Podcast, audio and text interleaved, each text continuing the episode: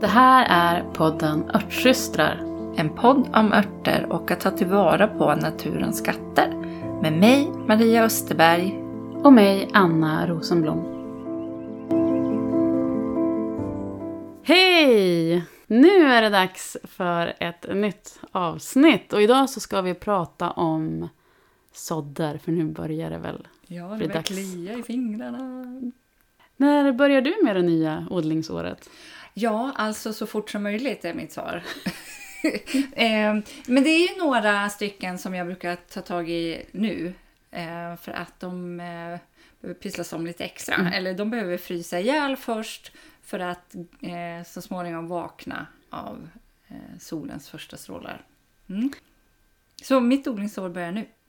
Eller egentligen börjar det ju faktiskt när jag beställer alla fröer i december. Ja, det är en definitionsfråga. Ja, exakt. Ja, men säg nu då. Eh, när börjar du? När börjar ditt odlingsår?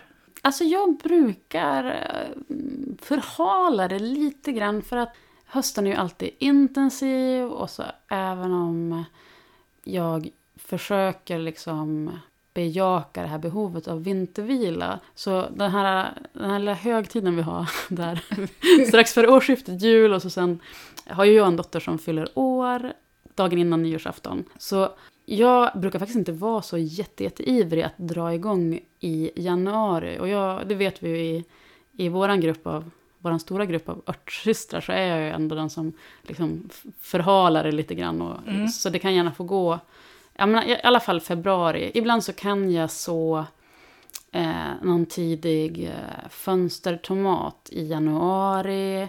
Och kanske liksom lite så här eh, relaterat till eh, varmbänkar som är en av mina liksom, stora grejer. Men när det gäller läkeväxterna så är det liksom, ja men februari får komma. För jag tycker att där, där får vi också ett skifte i ljus. Mm. Och min erfarenhet är också att även om jag har, jag bor, jag är väldigt lyckligt förunnad, jag bor ju i ett väldigt stort hus, jag har stora fönsterpartier som tillsammans med lite tilläggsbelysning, för de är lite dragiga också, blir jättebra platser för planter. Men trots det så är min erfarenhet att planter som har fått stått lite, lite för länge inne, eh, de blir i, i kappsprungna av planter som jag sår lite, lite senare och som får liksom eh, växa under optimala förhållanden. Mm. Där tror jag att det handlar lite grann om liksom vilken metod man använder och vad man sår. Eh, de som jag sår nu, det är ju de envisa rackarna som jag sår eh, ute och ställer en bytta över och så glömmer jag bort dem. Så helt enkelt. Mm. Och skillnaden mellan dig och mig också, för där är du inne på det här med vintersådder. Och det är ju att din vinter i Uppsala är ju mycket kortare Ja. än min vinter i, Ja, i Övik. så min vår kommer före din vår. Ja, så jag har ju nästan en, en månad till på mig. Och vi brukar ha, de senaste åren så har vi ändå haft väldigt, väldigt mycket snö. Och så för att hålla, det är liksom ingen vits att ställa ut små, små burkar. hos, liksom här, du vet, vi har haft 100, liksom 100-150 cm snö de här extrema säsongerna som har varit. Så då har det ändå inte ens funnits något ställe att ställa dem till för att jag brukar försöka skotta upp till tunneln under, i februari. Men jag håller den inte öppen under eh, vintersäsongen för det Nej. blir för, Ja, för jobbigt. varför? Och sen så när jag satte upp min tunnel så investerade jag ju i en med riktigt tjocka rör. Så den, eh, den klarar snön. Så att jag skottar inte ens den. Jag är ju lite lat när det gäller odling. Nej, det är du inte. Eh, Jag är också lat, men eh, jag, jag, jag hade, har liksom en succésaga och då är det, det är klart att om någonting funkar Mm. en gång, Mm. då gör jag ju på samma sätt en gång nästa En gång gång. till, mm. Ja. Så det är lite grann svaret. Och att det kliar i fingrarna. Men jag undrar, ska du testa att odla någonting, någon ny läkeväxt i år som du inte har gett dig på tidigare? Nej, jag har en liksom nemesis, en, en växt som jag har försökt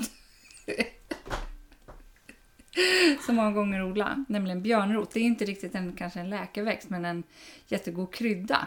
Jo, men jag tycker att den räknas för den... eh, det var ju ändå en växt som introducerades för oss, tror jag i alla fall. I Ja, alla fall för mig. Ja, mig. När vi var på Biskops Arnö med, på sista träffen med eh, HOLA-kursen, Läkeväxter i och Naturliga den apoteket. liksom bara blown me away på något vis i sin eh, smak. Ja, det var helt fantastisk. Och den är, den är så himla härlig för att den är ju en, en perennväxt Mm. som kommer liksom tidigt på våren och den har ju en dill-liknande smak. Mm. Så den är ju liksom perfekt eh, för liksom tidig vårmatlagning. Exakt. Men jag har försökt sedan eh, 2018, 2019 att få den att vilja komma fram ur sitt lilla frö. Men jag har inte lyckats än. Mm. Så den tänker jag prova på igen. Och den, den är ju en, eh, den får ju fantastiska stora vita flockblommiga blommor sen på ganska tidigt ändå i juli. Och, eh, vi pratade nu innan avsnittet om att jag, för jag har lovat att jag ska försöka ta frön till dig. Jag lyckades förra året men sen tappade jag bort fröna och sen Ja. i år så missade jag att ta dem för att de mognar ganska tidigt. Slutet av juli får man vara framme. Sen annars så har de liksom försvunnit Ja, sen är de Bort. bort. Eh, och jag tänk, just det här med att den är flockblommig, den, liksom I utseendet så påminner den, växtsättet på den här blomman, påminner den mig om andra eh, växter som är kluriga att dra upp från, Ja. från frö. Mm. Ja, men den är liksom, jag ser det som lite grann, alltså, jag säger så här om någon har ett tips hur man får fram björnrot från ett frö. Ja. Bring it on. Annars har jag lovat dig att du ska få ta en bit av min. Ja. Eh, jag har inte eh, dragit upp min från frö, utan jag köpte min på eh, Kapellagården på Öland för kanske tre år sedan. Ja, okej. Ehm, Men eh, den, den, jag tycker inte den frodas riktigt på sitt växtställe så jag ska nog flytta den ändå till, ehm, till våren. Mm. Har du någon sån där som du tänker någon ny? Ja, eller liksom eh, halvny. Jag tänkte att jag ska så järnört. Mm. Och jag har den ju faktiskt i, i min, min örtagård redan. Jag fick en planta av dig som Mm. du hade dragit upp. Och den fick ju jag förra året för den har överlevt. Ja, det var helt otroligt. Det var år två. dog hemma hos mig. Ja, och här i Norrland, zon Det är nog 4-5. snön. Ja, det måste nog ha varit... Nej, det är delvis snön. Sen är det att den står i min allra mest väldränerade rabatt. Ah, den har inte haft blött om fötterna. Nej, tvärtom. Eh, så att, eh, och för den är extremt vä- Alltså den är liksom... Det, ja, men det är ett, ett gruslager under med stor, stora grus som är säkert liksom ett par decimeter. Ja, men då är det Eh. liksom, min har ju stått i Uppsala lera. Ja, så Ja. Jag, jag tror att det är det det sitter i. Men så den överlevde, men den frodades inte riktigt. Så att jag skördade ingenting av den här sommaren. Och sen är ju järnört en, en ört som jag faktiskt inte har använt så mycket, inte kan så mycket om. Och nu när, vi satt och, när jag satt och tänkte inför det här avsnittet så av en ren slump så dök det upp ett mail med en stor bild på järnört. Och jag sa bara, ja men järnört, i år så Mm. är det nog dags att lära känna den. Så den ska jag definitivt eh, köpa frö till och så. Mm. För den är ju väldigt vacker. Den är ju ganska skir och så har en liten, liten Blomma. blomma. Mm. Ehm, Lite rosa, lite magenta. Ja, den är jättefin är den. Ja, och eh, den tillhör ju liksom nervsystemsörterna som också är liksom mitt favoritområde eh, inom örtkunskapen. Så Mm. den, den, Jag tycker den är en liten doldis som eh, förtjänar att eh, komma fram. Ja, men den är väl ännu ett sånt där exempel på en, en ört som inte är så vanlig att använda här i Nordeuropa, men Nej. som man använder desto mer i USA. Men det är lite grann vad vi, vad vi har på gång som vi tänker odla, nya grejer. Men vi tänkte att vi skulle djupdyka lite där i det här avsnittet om då, i de allra klurigaste. Nämna vilka de kluriga är och prata lite grann om hur vi gör när vi sår dem. Så vad säger du, vilka är kluringarna? Kluringarna är läkemalva. Som jag odlar nya hela tiden eftersom jag gräver upp dem med rötterna. Så måste man ju liksom ha en föryngring. Så läkemalva är en sån där kluring. Humlesuga eh, kommer jag nog inte odla i år för nu har jag ett bestånd. Men den behöver också liksom sås och fry, alltså den behöver sås tidigt och stratifieras som det heter. Så vi järnötten som du nämnde. Björnrot. Eh, Läkesilverax, men den är ju lite i en liga för sig. Men den, har, den är lite, tycker jag, på samma spelplan som björnrot. Mm. Ja men precis, fast nästa, ja förmodligen. Eh. Jag hade turen att eh, helt hux flux grodde ett av mina frön. Men det var ju mer livets... Alltså det var, jag kan inte ens förklara varför. Nej men du använder ju dig av den här strategin som är min Ja, det- strategi, min, min primära strategi för sådder. Och nu kommer alla liksom odlingsförståsigpåare att få liksom eh, fnatt. när jag säger, eksem. ja, eksem. Det är att, och särskilt de här kluriga plantorna. Jag, jag vintersår dem, precis som du säger. Jag sår dem i ett tråg och så ställer jag ut dem i god tid innan vintern börjar vara över, så februari-ish. Och jag ställer dem, helst så ställer jag dem om jag kan skotta undan så att de står utomhus. För att ställa in dem i tunneln så kan det vara lite klurigare för där växlar det ju om till varmt ganska snabbt om det, solen ligger på. Sen så skiter jag i dem. Jag med. Eh, så får de bara stå där och jag håller inte på och lallar på med dem utan de får bara stå där och så, jo men jag kollar ju liksom om att, bara, men är det torrt då slänger jag på lite vatten. Eller eh, snö under, liksom, när det fortfarande finns snö kvar. Och för mig funkar det ganska bra, för som till exempel humlesuga, det är en sån här, jag, jag skulle inte säga att den är svår att så, för att jag brukar så den, jag kallsår den, ställer ut den och så, ja men gror de Så alltid. hittar du dem i maj. Ja, typ. Och så bara, ah, här är det, just det, här är det så humlesuga, vad, vad fint. Och det är, tycker jag är, det är min strategi, att inte hålla på och lägga så mycket energi på dem. Nej, men min success story var ju precis så. Mm. Att jag liksom sådde dem i eh, krukor, ställde ut dem i någon plastbalja, ställde en annan plastbalja på och ställde dem i skuggan utomhus och sen bara fick det vara. Och så bara lyfte jag på locket efter x antal veckor och månader och bara plupp, Mm. var det Och nu pratar du om humlesuga. humlesuga, läkemalva och järnrötter. Det var samma, de var samma, i samma Ja. balja. Och läkesilveraxen, eh, den är ju legendariskt svår. Jag vet många som har försökt med den år efter år och inte får den att gro.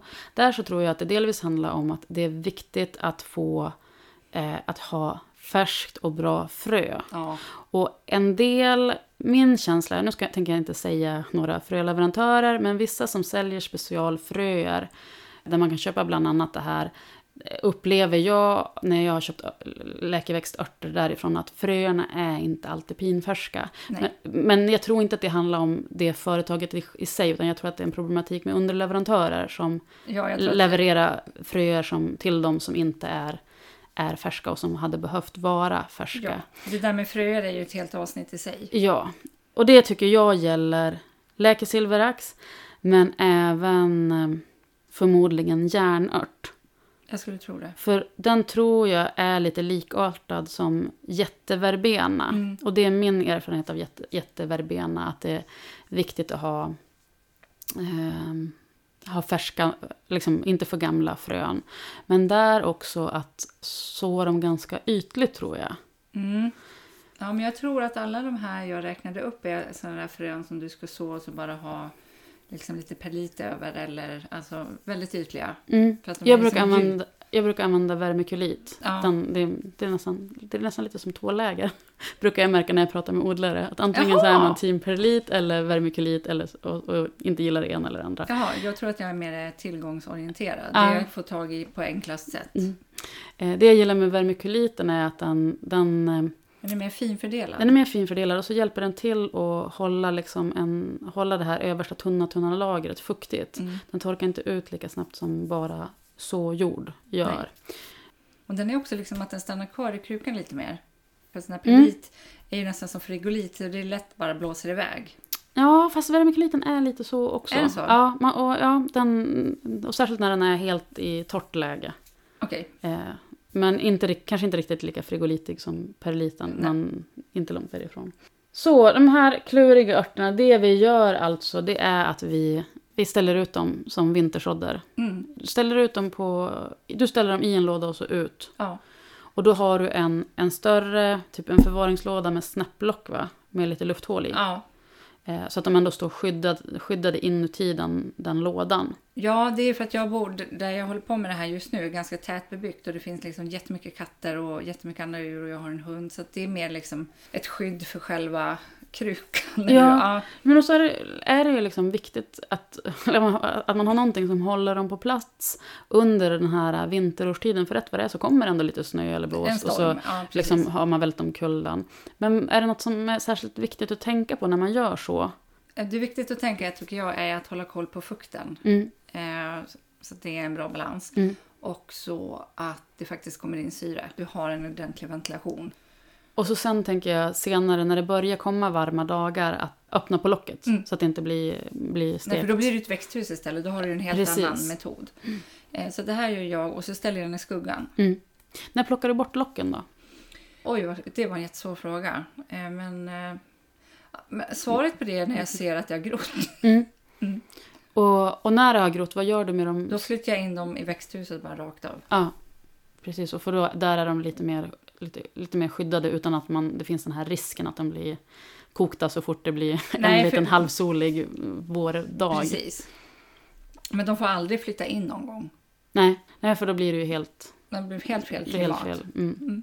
Och det är väl det som, som ofta blir knas när vi sår örter tidigt, och särskilt om vi gör det inomhus, att det blir en för varm omgivning och så får de inte tillräckligt med eh, ljus. Ja. Och så drar de iväg. Och därför så, väldigt, väldigt mycket, eller typ nästan allt som jag sår, sår ju jag som vintersådd eller som vårsådd i liksom, pluggbrätten ute i tunneln. Ja, trots att jag har plats inne. Men jag tycker att det blir, det blir bättre planter om jag inte har för bråttom och börjar dra upp massa, Nej, för massa då blir inne. de ju, nu är de liksom i lite kargare, då växer de ju liksom långsammare i sin takt och hinner skapa upp en styrka. Mm. Inne är ju risken att du bara får massa stänglar som bara Ja, och så kommer det här eviga gisslet med, som många har med omskolning. Ja, dels det och jordloppor. Ja. Men det, det där beror ju också lite på vad, vad, vad man är i för läge. För att jag har ju en ganska avslappnad och långsam strategi till min liksom uppbyggnad. Det är inte så att jag känner, om jag sår en, en ört så är det inte superviktigt för mig att få en, en stor skörd på den första, Första året, nej. utan det är för att liksom då från år till år så kanske jag så ett helt brätte med citronmeliss för att jag vill utöka den. Eller isop eller ja, eh, det kan vara olika sådana fokusområden.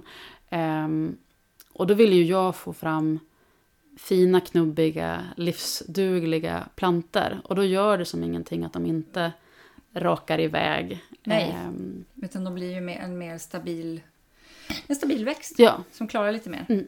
och så om man odlar lite mindre och istället vill, vill få dem att liksom växa och bli riktigt stora under den första säsongen, då kan det ju vara en bra idé att eh, så, ja men till exempel citronmeliss inomhus. Ja, ja, ja. Kanske inte i, nu i februari, men framåt mars. ja. Så det var hur vi, vad vi är någonstans just nu i, i såddtankarna. Ehm, vi tänkte återkomma lite grann till våra, eh, våra odlingar en gång i månaden nu Mm. framöver. Mm. Så det kommer mer på det här temat, men vi tänkte avsluta med veckans tips. Vad säger du Maria, vad är veckans tips? Veckans tips är ju då såklart att eh, testa på att så någonting nu på vintern. Alltså så, ställa ut det, glömma bort det. Och, ja, vintersådd Mm. som vi säger. Mm. Precis, och det är, det är ju det är ganska lätt. Ta en, en större låda med ett lock som du kan snäppa fast så att det inte blåser bort det jättelätt. Eh, du brukar borra hål. Är det i locket eller är det på sidorna? Eh, jag brukar bara på sidorna för lockarna går alltid sönder. Ah, just. och så sen så sår du i ett lämpligt tråg, ställer ner, Mm. vattnar upp dem och ställer ner dem i Mm. lådan, på med locket och ställer dem ute på en skuggig plats. Ja. Med det tackar vi för idag, Nej, men det gör vi. så hörs vi nästa vecka. Hej då! Hej då! Många frågar efter de recepten som vi nämner i podden. Därför har vi valt att samla våra favoriter och göra dem tillgängliga för er. Vi tar en liten slant för dem. Det är därför också ett sätt för dig att stödja podden. Länk till recepthäftet hittar du i avsnittsbeskrivningen. Du kan också stötta oss genom att följa podden i din poddapp eller gå till poddens programsida och skriva en recension. Tack för att du lyssnar!